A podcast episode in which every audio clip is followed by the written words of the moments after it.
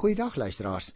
Ons maak dan vandag klaar met die boek Numeri en ek wil uh, hoofstuk 33 waar ek gaan begin baie oorsigtelik doen want jy sien hier word uh, belangrike dinge genoem maar dit bestaan hoofsaaklik uit die noem van verskillende plekke waarby die Israeliete op die laaste stukkie van hulle woestyntog stil gestaan het. So ek gee liewer vir jou 'n opsomming daarvan, want om al die name te lees sal ons onmoontlik tog dit nie kan onthou as ons nie 'n landkaart voor ons het nie.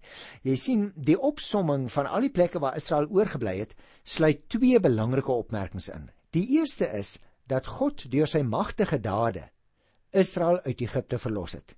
Dit het onder andere byvoorbeeld beteken dat hy sy oordeel oor die Egiptenare en hulle gode voltrek het deur hulle oudste seuns te laat sterf. Jy sal dit kry tot daar by die 4de vers. Maar naas God se almag staan 'n tweede saak baie duidelik uit in hierdie 33ste hoofstuk, naamlik Israel se opstandigheid en ongehoorsaamheid aan God. Jy sal nog onthou Aaron wat op Horberg gedood is. Kyk maar weer hier word dan na verwys in vers 38. En daardie dood van Aaron is die simbool van hierdie volk wat nie na God geluister het nie en wat dus moes sterf voordat hulle by die loof, beloofde land uitgekom het. En hierdie twee sake word dan in vers 50 tot 56 herhaal as 'n waarskuwing aan die nuwe geslag wat nou in die nuwe land moet intrek. God sal naamlik deur sy almag aan hulle die land gee om onder mekaar te verdeel en daarin te kan woon. Maar Israel moet die gevaar van afgode en afvalligheid van die Here besef. Meer nog, hulle moet die groot gevaar van hulle eie geneigtheid tot sonde besef. Hulle is nie vry van die neiging van hulle voorvaders om agter ander gode te wil aanloop nie. En daarom word nou beklemtoon in die hoofstuk sal dit belangrik wees dat hulle al die inwoners van die land en al hulle afgode uit die land moet verdryf alvorens hulle daar sal kan gaan woon. As daar van die ou inwoners met hulle afgodsdiens oorbly, sal hulle op die lange duur Israel voortdurend in die versoeking stel om aan God ontrou te word. Nou, omdat God in sy heilige almag die afgode en die wat hulle aanbid veroordeel, soos hy met die Egiptenare en die afgode wat deur hulle aanbid is, sal hy ook die Israeliete wat agter afgode aanloop veroordeel. En daarom luister as dit is die uh, in hooftrekke die belangrikste van die inhoud van Hosea 33 dat daar 'n kort oorsig gegee word van die geskiedenis, die plekke waar langs hulle gekom het in die woestyn en hoe dat hulle dan ook weer herinner word aan Aaron se dood en sê julle moet weet as julle die beloofde land intrek en julle sou enige sonde misstap teen my begaan, dan sal dieselfde oordeel julle tref wat die vorige geslag getref het wat nou uitgesterf het soos byvoorbeeld Aaron wat ook gesondig het. En daarom kon hy al was hy hoe 'n fantasties wonderlike leier daarom kon hy nie die beloofde land ingaan nie. Wees dus gewaarsku wat die 33ste hoofstuk in die boek Numeri sê. Hoofstuk 34 gaan ek ook net oorsigtelik behandel want dit gaan hier oor die grense van die land.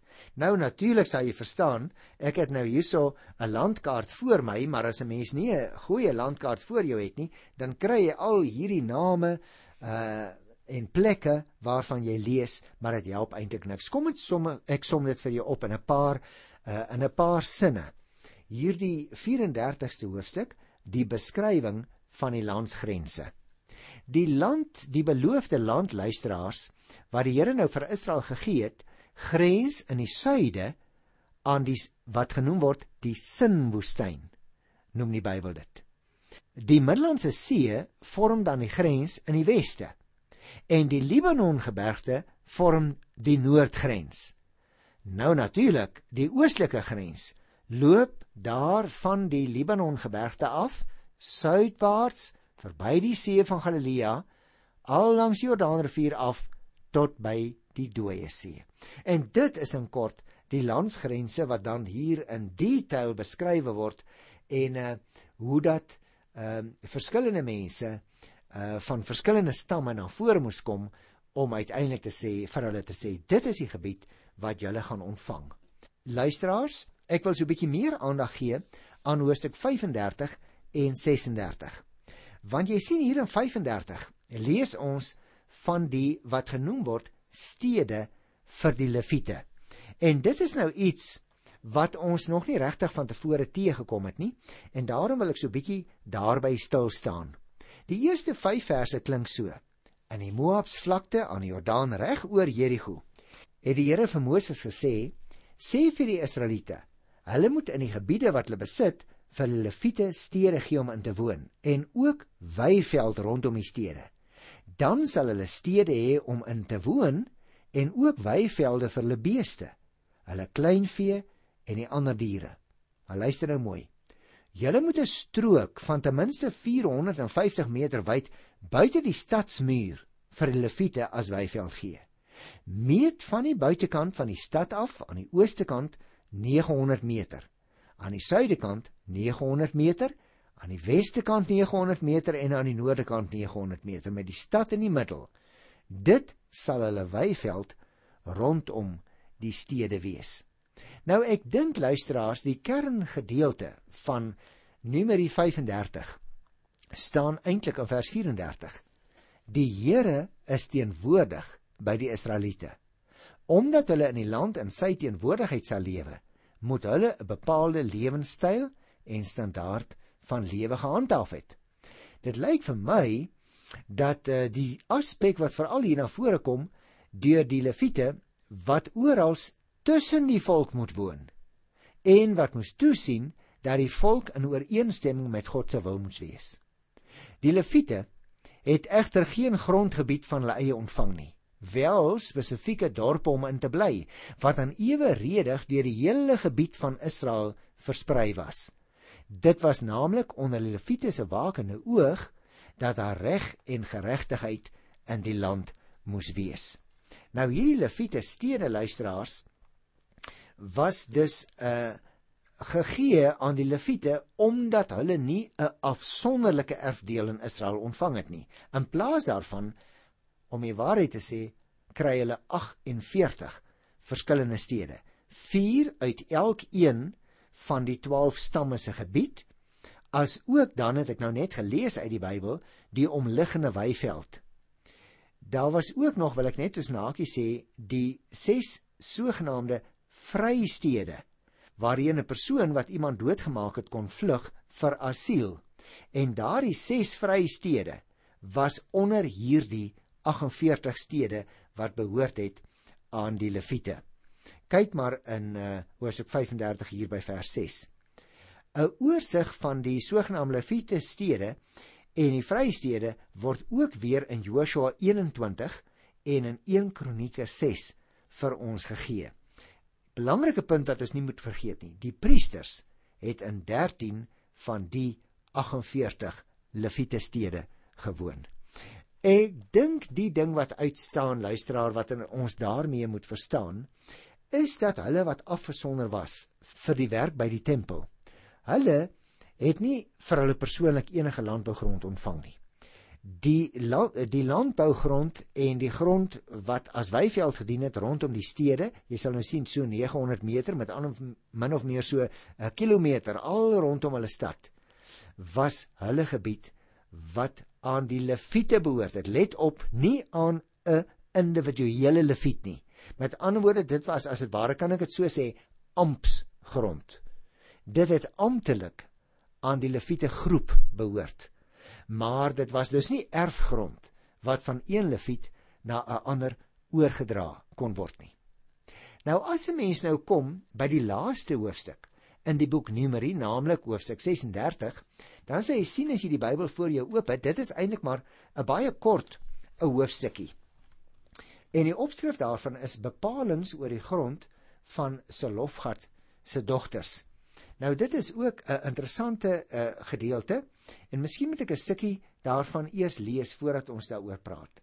Die familiehoofde van die mense van Gilead, die seun van Maker, die seun van Manasse uit die Josef stam, het met Moses en die leiers gaan praat en gesê: "Toe die Here u beveel het om die land tussen die Israeliete te verdeel, het die Here u ook opdrag gegee om die grond wat ons stamverwant se lof gehad toegekom het, aan sy dogters te gee." As hulle nou met mans uit ander Israelitiese stamme trou, sal hulle grond wegval uit ons familiebesitting en dit sal gevoeg word by die van die stam waaraan hulle dan sal behoort. En so sal die grond wat aan ons, dis nou weduwees toegewys is, van ons weggeneem is. As die hersteljaar vir die Israeliete aanbreek, sal die dogters se grond gevoeg word by die stam waaraan hulle behoort en so sal hulle grond van die van ons families af weggeneem word. Nou uh, luisteraars, ek het uh, destyds toe ons hoofstuk 27 behandel het, ook na hierdie geval verwys. Met ander woorde, 'n mens moet Numeri 36 eintlik lees saam met Numeri 27 se eerste 11 verse. In aansluiting dan by hoofstuk 27 word hier nou weer eens gefokus op die besitreg van die land en die toegewing aan Selofgad se dogters om grond uh, te kan besit. Dit het die moontlikheid geskep dat daardie grond deur huwelike wat deur hulle aangegaan word uh, in die hande van ander families en stamme sou kon kom. En daarom is hierdie eintlik 'n uitsonderings 'n uh, eh, reëling wat getref word, het ek al van tevore ook gesê. Kom ek vat dit so saam. Die algemene uitgangspunt in die destydse erfreg was natuurlik dat geen stam se grondgebied vervreem kan word nie. En daarom is hierdie reëling getref. Soos voorheen ook, het Moses nou eers die Here geraadpleeg oor die spesifieke probleem van uh, wat hierdie mense nou uh, aan hom stel en sien ons nou die dogters moes binne stamverband trou ten einde die vervreemding van die erfgrond te voorkom in die toekoms wat hulle dan ook gedoen het. En daarmee was die probleem nou opgelos en die vrees van die woordvoerders wat ons daar kry in vers 1 hoe dat hulle gekom het en met Moses gepraat het en gesê het man hierdie mense gaan hulle grond verloor. Daardie uh, vrees word nou uit die weg geruim. Interessant ek wil nog net die 13de versie lees en dit is dan ook die laaste vers in die boek Numeri. Hier staan dit is die gebooie en bepalinge wat die Here deur middel van Moses die Israeliete beveel het in die Moabs vlakte aan die Jordaan reg oor Jerigo Met ander woorde luisteraars, die slotformule hier in die boek slaan terug op al die wat genoem word hier gebooie en bepalinge wat voorheen gegee is. Met ander woorde, hulle moenie nou hierdie bepalinge wat vir hulle gegee word hier net voordat hulle beloofde land intrek, dit verhef asof dit belangriker is as die dinge wat die Here vir hulle die afgelope 40 jaar deur die woestyn gegee het nie. As daar dus hier in die laaste vers staan, uh die gebooie en bepalinge wat deur die Here deur middel van Moses aan die Israeliete gegee is, dan moet ons daarby uh ook verstaan ook die bepalinge wat hulle van tevore by monde van Moses uit die Here se mond gehoor het. Die boek Numeri sluit dus met ander woorde af waar die volk op die rand van die Jordaanrivier staan en reeds die beloofde land kan sien. Dit lê as dit ware aan hulle voete. Hulle swerfjare in die woestyn is uiteindelik na 40 jaar iets van die verlede. En nou tref hulle die laaste voorbereidings vir die volgende groot stap om die land wat God aan hulle voorvaders beloof het om daardie land binne te gaan. Kan jy die vuur sien brand in hulle oë? Kan jy die die opwinding, hulle soos renpere wat nou net wil wegspring, kan jy dit by hulle opmerk as jy na die prentjie kyk luisteraars? Hulle het die duur les geleer om nie teen God in opstand te mag kom nie, maar om eerder bereid te wees om agter hom aan te gaan. Nou natuurlik in die Nuwe Testament word die gebeure van Numeri herhaalde kere gebruik as 'n waarskuwing vir elke Christen ook dat ons ons daarvan sal weerhou om dieselfde foute as die Israeliete tydens hulle tog te maak. Gaan lees gerus in 1 Korintiërs by die 10de hoofstuk die 12 verse, dan sal jy dit daar baie duidelik sien. Wie die Here Jesus Christus dien, moet aan hom alleen getrou bly. Luisteraars, daar's regtig nie plek in die geloof vir bymotiewe of vir afgodiese praktyke van menslike eie gesindheid nie onkreukbare getrouheid aan God is die pad wat jy en ek as Nuwe Testamentiese gelowiges ook mag loop. Daarom wil ek baie graag voordat ons nou uh, by 'n volgende boek kom volgende keer vir jou kortliks net weer herinner hoe was die boek Numeri saamgestel. Dit het uit 3 groot gedeeltes bestaan wat ons een na die ander bespreek het uh oor die loop van 18 verskillende programme. Daar was die eerste groot afdeling, dit het gestrek van hoofstuk 1 van vers 1 af tot hoofstuk 10 vers 10. En dit het dan gehandel oor die voorbereiding vir die reis verder. En dan sal jy onthou die tweede deel, hoofstuk 10 vers 11 tot 25 vers 18, het gehandel oor die reis deur die woestyn. Nou die ouens het gekom tot by Kades Barnea, sal jy onthou. En daar het hulle jou waarlik waar allerlei dinge gedoen sodat die Here toe vir hulle gesê het, nou maar julle kan nie die beloofde land ingaan nie. Julle sou eers almal moet uitsterf in die woestyn. En dan het ons die derde groot deel van die boek Numeri gekry waar die tweede generasie dan die voorbereiding tref om die beloofde land in te gaan. En daardie verhaal het 'n hele klomp hoofstukke beslaan. Dit het uh, gestrek van Numeri 26 die eerste vers af tot by hoofstuk 36 die 13de vers waarmee ons dan ook nou net afgesluit het.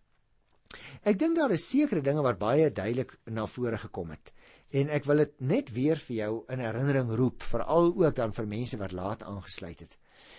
Daar is byvoorbeeld die tema van die opneem van die sensus. Nou jy en ek is gewoond aan sensusopnames. Maar jy sal onthou dat ons in die nume in die boek Numeri twee keer met die opneem van 'n sensus te make gekry het.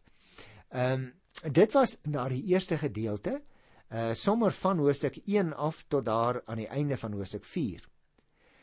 Nou kan ek verstaan hoekom die weerbare manne getel moes word, want die volk moes weerbaar wees, maar daar was allerlei vyande ook uh tydens die woestyntog wat hulle sou moes uh afweer. En daarom moes die ouens wat uit Egipte land getrek het getel word. Maar die tweede sensusopname wat ons dan daar gekry het in Hosea 26 was juis omdat daar voorbereidings getref moes word deur die nuwe geslag dat hulle die beloofde land kan ingaan.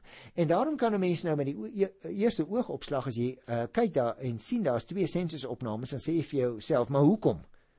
Doodgewoon omdat ons met twee groepe of twee geslagte mense, as jy wil, te make gehad het. 'n Ander tema wat herhaalde keer voorgekom het in boek Numeri, was die van opstand. Uh selfs hoe dat die leiers nie altyd gedoen het wat die Here van hulle verwag het nie. Neem nou byvoorbeeld vir Moses en Aaron. Hulle was hierdie gevierde leiers onder hulle eie mense. Maar die dag toe die Here vir hulle sê, die volk kla nou so baie oor water. Geef hulle water. Praat met die rots, dan gaan daar water uitkom. En hierdie twee manne, nou ja goed, miskien was hulle 'n bietjie opgewerk omdat die volk hulle so gedruk het en die volk so opstandig was en in plaas van die rots te te praat, sal jy onthou, het hulle met lakiris op die rots getik of geslaan.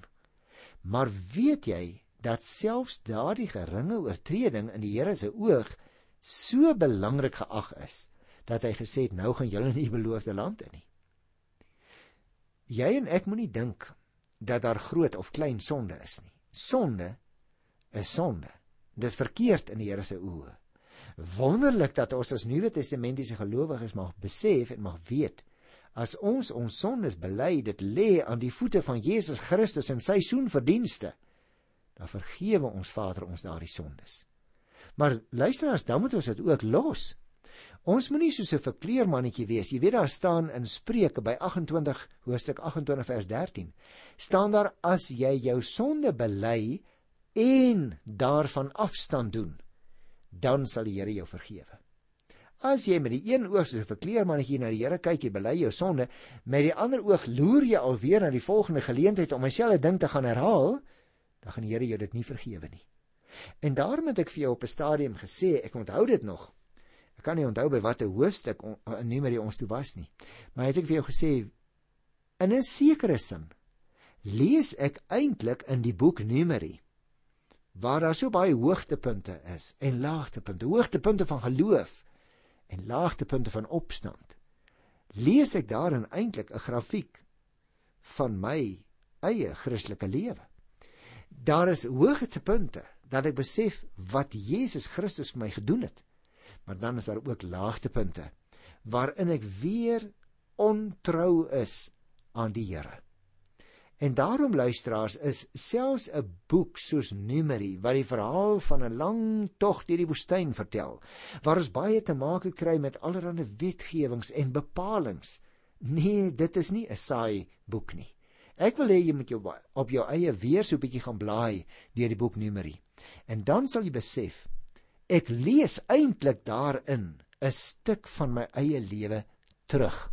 'n Spieelbeeld Ja, van gehoorsaamheid aan die een kant, maar van opstand aan die ander kant.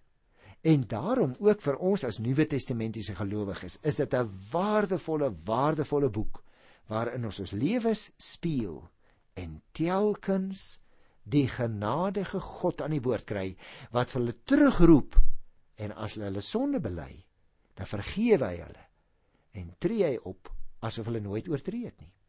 'n Derde belangrike tema wat in die boek Numeri na vore gekom het, daar was nou die uh gebeure van die sensus wat ek genoem het, die van die opstand en ek wil graag 'n derde een noem, die swerfjare. Ooh, ek dink luisteraars, nie een van ons, selfs al was ons al vir 'n paar dae in die woestyn, het regtig 'n idee wat dit moet beteken om 40 jaar lank in die woestyn te moes rondswerf omdat hulle teen die Here so opstandig was nie. Hulle wou die Here nie vertrou nie. Hulle die pad waarop hy hulle wou lei, nie wou loop nie. Die teenstand en die teenspoed en al die ellendes wat hulle op hierdie swerftog teëgekom het, dit was maar die rampspoed wat hulle oor hulle self gebring het toe hulle hulle rug op die Here gekeer het. En ek wil vir jou vra, daardie baie kere wat jy en ek ook so ongehoorsaam is, wat ons ook in 'n sekere sin ons rug op die Here te eh, keer. Wanneer ons maak asof ons sy stem nog nooit gehoor het nie dan is ons self verantwoordelik daarvoor wanneer ons lewens naderhand vir ons sinloos voel. Wanneer ons lewens in 'n sekere sin koersloos raak. Dit is die tyd wanneer die Here weer na ons toe neerbuig. En ek wil vir jou oproep luisteraar Ek ken nie jou lewe nie, jy ken nie myne nie. Daarom roep ek jou op, nie op grond van my eie mooi lewe nie natuurlik nie, wie sou ek wees, maar op grond van die gesagvolle woord van die Here. As jou lewe krom is, as jy op hierdie stadium ver afdwaal en wye draaie om die Here loop, dan wil ek vir jou terugroep op grond van die genade van die Here waarvan ons in die boek Numeri lees. Kom terug na die Here toe. Hy wil vir jou vergewe. Hy wil vir jou oprig, hy wil vir jou nuut maak. Hy wil die res van jou lewenspad saam met jou loop. Die laaste tema wat ek wil noem, behalwe die sensus en behalwe die opstandigheid en die swerfjare, net baie kort. Kanaan. Kanaan was die eindpunt wat die Here vir hulle in gedagte gehad het. Weet jy broer en suster, die Here het goeie bedoelings met sy kinders. Hy het vir ons wonderlike dinge beloof wat daar aan die eindpunt staan waarvan Paulus skrywe ek het my daarna uitgestrek. Ek het my daarop toegelê. Gaan lees maar 1 Timoteus 2 en 1 Timoteus 4 en dan skryf hy in 2 Timoteus nou wag die oorwinnaarskroon oor my. En jy en ek wat hierdie oorwinnaarskroon van Jesus Christus dra ten spyte van ons eie krom lewens ten spyte van ons afdwaal Ons mag hierdie kroon dra omdat Jesus Christus vir ons die finale eindbestemming verwerf het. Dit vir ons vasgemaak het. En daarom wil jy nie ook vandag weer 'n keer by hernuwing, miskien vir die eerste keer, onvoorwaardelik buig voor Jesus Christus, die Here nie. Die een wat die krom draai en die afdwaal paaie vergewe as ons aan sy voete buig. En op daardie uitnodigingsnoot, luisteraars, groet ek julle aan die einde van die boek Numeri met groot groot vreugde en dankbaarheid teenoor die Here. Ek herinner jou aan sy liefde en ek nooi jou kom stap so die Here wil van volgende program af saam met my deur die evangelie van Johannes. Dis 'n avontuur wat voorlê. Tot dan groet ek jou. Totsiens.